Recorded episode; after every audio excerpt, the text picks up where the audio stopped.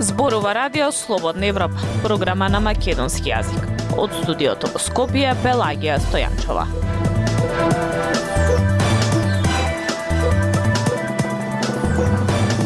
Во денешната емисија на Радио Слободна Европа објавуваме Државата им даде пари на партиите, повеќе од 5 милиони евра легнаа на партиските сметки.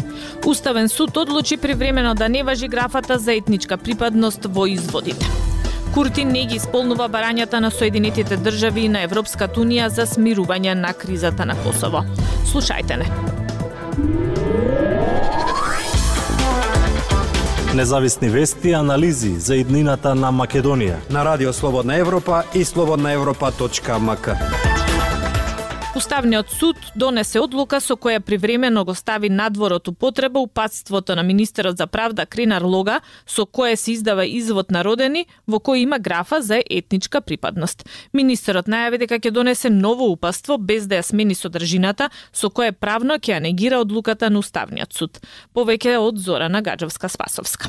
Управата за матични книги нема да издава извод на родени во кој ќе биде впишана графата националност, се додека Уставниот суд не донесе конечна одлука дали е тоа уставно или не.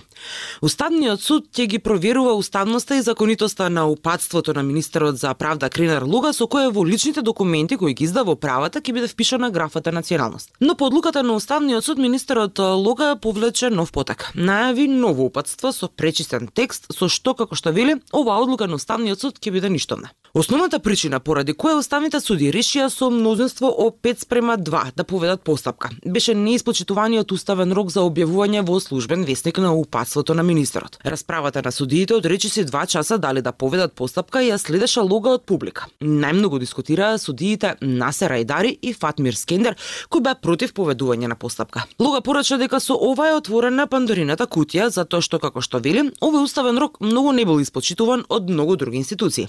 Тој најави дека ќе поднесе до Уставниот суд десетици иницијативи за прекршување на Уставниот рок со кој е предвидено секој закон и правен акт донесен од институција да се објави во службен весник најдоцна до 7 дена од донесувањето.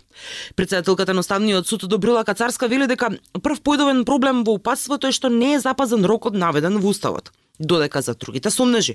Своите ставови ќе ги соопшти на некоја наредна седница. Уставниот судија Дарко Костадиновски посочи дека и законот за матична евиденција и упатството кој произлегува од овој закон се прават по меѓународни стандарди. Според него, многу уставни одредби фрлаат сомнеш токму кон ова упадство во контекст на запазување на меѓународните стандарди. На прашањето во која друга земја во светот има графа за националност во личните документи, министерот посочи дека во ниту една друга земја нема потреба да се докажува националноста. Конкретно и уставните суди што денеска решават за оваа проблематика, една третина од нив треба да докажуваат дека не се дел од мнозинството бидејќи тоа е пропишано во уставот. До сега во изводите имаше графа за државјанство, но не и графа за национална припадност. Уставните суди најавија дека за суштината на законот, како и за темата националност во личните документи, ќе расправаат кога ќе се разгледува иницијативата на опозицијската партија Левица со која се оспорува упатството, како и законот од 1995 година на кој се повикува министерот во кој е посочено дека во матичните книги се заведува и националноста на вметнувањето на етничката припадност во изводот на родените. Не помина незабележано кај фондациите и здруженијата во соседна Бугарија, како и на социјалните мрежи, каде што ги повикуваа македонските граѓани за 250 денари да изведат нов извод во кој ќе го се впишат со бугарска националност, за да се олеснат процедура за вадење на бугарски пасош за министерот Луга. Ова е само дневна политика. Они само со една потврда од едно бугарско здружение може ден денеска да добиват пашош во Бугарија. Така да и и со со со овој документ и со некаков документ друг, значи пак се повторувам, дневна политика што јас не сакам да влегувам подлабоко и ги повикувам и сите институции и исто така и експерти и професори да не се занимаваат со со вакви глупости. Законот за матична евиденција е донесен во 1995 година и во него се предвидува во матичната книга да се води податокот за националноста на родителите, но не и во изводите на родените. Слободна Европа. Следете на на Facebook, Twitter и YouTube. Државата им префрли пари на политичките партии со исплата која им следува од државниот буџет според законот за финансирање на партиите. Најмногу земаат трите најголеми партии кои освои најмногу гласови на последните избори. ВМРО ДПМН доби речиси 1,5 милиони евра, СДСМ милиони 300 илјади, а ДУИ речиси 680 илјади евра. Законот со кој им следува 0,1% од годишниот буџет нема да се менува. Билјана Николовска ја слушаме во продолжение. На 19 мај датабазата на Министерството за финансии која ги прикажува трансферите од државниот буџет стана потешка за уште неколку податоци. Прикажа дека на сметките на политичките партии легнаат десетици илјади евра, а кај две партии податоците покажуваат дека сумата надминува и над милион евра. Така, ВМРО ДПМН има добиено најголема сума речиси милион и пол евра, сада само околу милион и тристе, додека дуи половина од оваа сума или 600 евра. Позади овие најголеми партии заостануваат останатите, како на пример Левица со вкупно 14.533 денари или 236.000 евра. Беса добила 213.000 евра, а понив со помалку од 200.000, а повеќе од 100.000 евра се Гром, ЛДП, Социјалистичката партија ВМРО Народна. Тоа се пари кои секоја година граѓаните ги даваат за партиите кои според законот за финансирање на партии освоиле барем 1% гласови од вкупно излезените гласачи – но според истиот закон, овие партии не добиваат исто пари, бидејќи оние кои освоиле повеќе гласови на последните избори, пропорционално добиваат и поголем дел од колачот.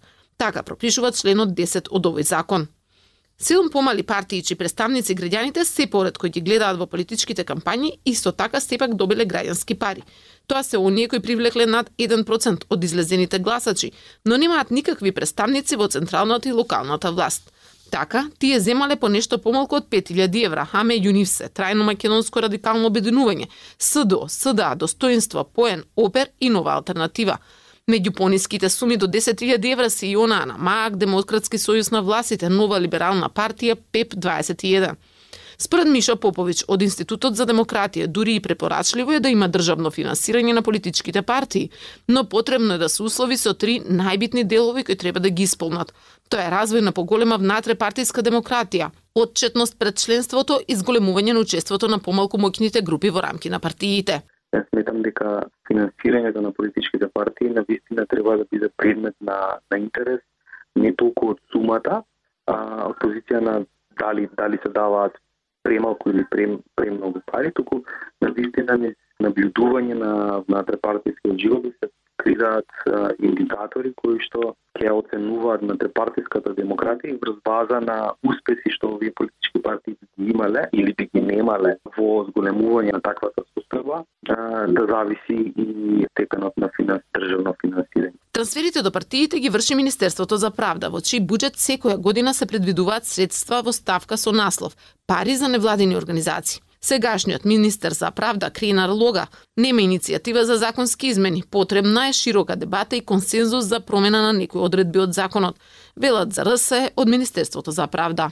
Според последното истражување на ИРИ за 10 години, од 2011 до 2021, од државниот буџет се исплатени вкупно 26,5 милиони евра кон политичките партии во државата. Годинешната исплата надминува над 5 милиони евра вкупно за сите партии. Дајте ни 15 минути и ние ќе ви го дадеме светот. Слободна Европа.мк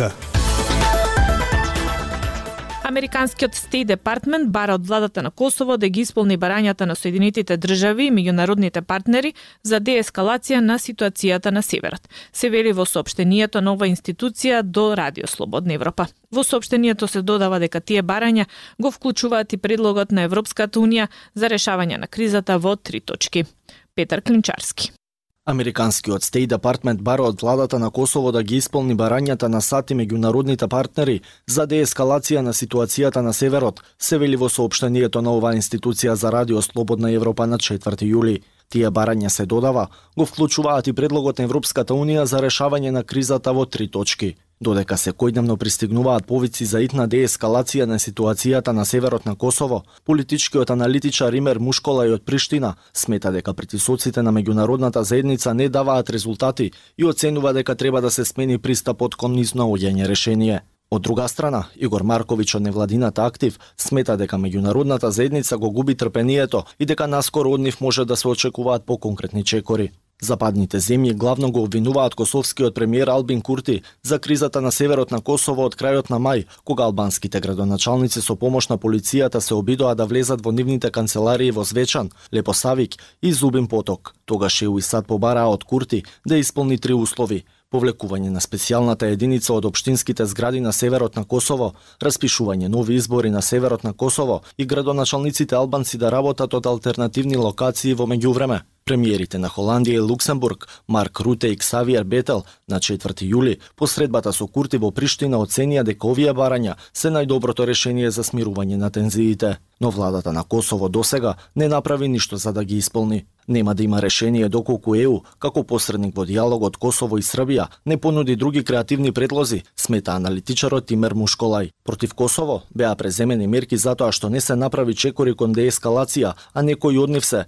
привремен прекин на работата на органите на спогодбата за стабилизација и асоциација, недобивање покани за настани на високо ниво, а билатерални посети ќе бидат суспендирани, освен оние кои имаат за цел решавање на кризата на северот на Косово. Мушколај смета дека овие казнени мерки не се ефективни, бидејќи не предонесуваат за изнаоѓање решение. Нема да има решение доколку ЕУ, како посредник во диалогот, не понуди други креативни предлози, вели тој. Мушколај вели дека и кризата може да продолжи во наредните недели, доколку Европската Унија инсистира на овие барања за деескалација на ситуацијата. Косовскиот премиер Албин Курти на 4 јули, посредбата со колегите од Холандија и Луксембург, изјави дека сака добрососедски односи со Србија, но дека за такво нешто е необходна имплементација на договорот за нормализација на односите. Овој договор беше постигнат на крајот на февруари врз основа на предлогот на ЕУ, а кон средината на март беше договорен и анексот за негова имплементација.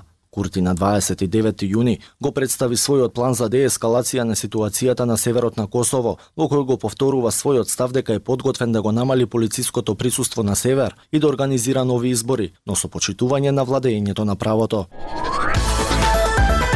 Радио Слободна Европа, светот на Македонија. Синдикатите очекуваат на почетокот на наредната недела да се дефинира што и како ќе се случува со платите на вработените во јавниот сектор, за колкав процент ќе пораснат, како и за исплата на регресот за годишен одмор. Представници на синдикатите преговараат со владини представници во рамки на економскиот социјален совет во Министерството за финансии. На почетокот на следната недела можно е решение за растот на платите во јавниот сектор, изјави новоизбраниот преседател на Сојузот на синдикати Слободан Трендафилов. На 5 јули представници на синдикатите се сретнаа со представници на власта да дискутираат за барањето на вработените во јавниот сектор да им се зголемат платите, додека се чека да стапи на сила ново систематско решение кое би требало да почне да се применува во 2025 година. По состанокот на економско-социјалниот совет, Трендафилов рече дека има сериозно доближување до идеите на синдикатите. Синдикатите барат зголемување на платите да се пресметува по еден од трите модели што ги предлагаат. Едниот е како основна пресметка да се зема инфлацијата од 14,2%.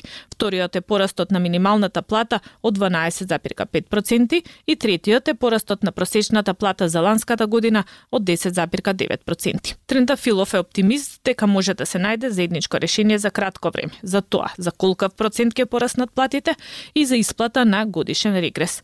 Тој сепак не кажа кој од понедените модели е прифатлив за власт, за како што вели да не се нарушувал преговарачкиот процес. Сме близко до она што го разговараме како представници на синдикатот. Разговаравме за поголем кој за, за поголем процент. Разговаравме, сметам дека доколку се направат пресметките правилно, дека ќе ги задоволат сите страни. Политичарите мораат да даваат политички изјави, ние како представници на синдикатот имаме разбирање за нивните политички изјави, меѓутоа тоа што го разговараме седнати на маса едни со други, сметаме дека треба да го продолжиме да го правиме и дека во понеделник евентуално идната недела вторник да имаме конечно решение во поглед на растот на платите на вработените во јавниот сектор вели Трендафилов. Во последните месеци вработени во јавниот сектор протестираат и штрекуваат со барање за повисоки плати. Незадоволство досега изразија вработените во Царинската управа, во управата за јавни приходи, судската администрација, вработени во културата, во образованието, во државниот испитен центар. Барањата за повеќе пари стана особено гласни, откако избраните и назначени функционери во Македонија во април добија зголемување на платите за 78%. Ја слушавте емисијата на Радио Слободна Европа, програма на македонски јазик. Од студиото во Скопје со вас беа Пелагија Стојанчова и Дијан Балаловски. До слушање. Thank you.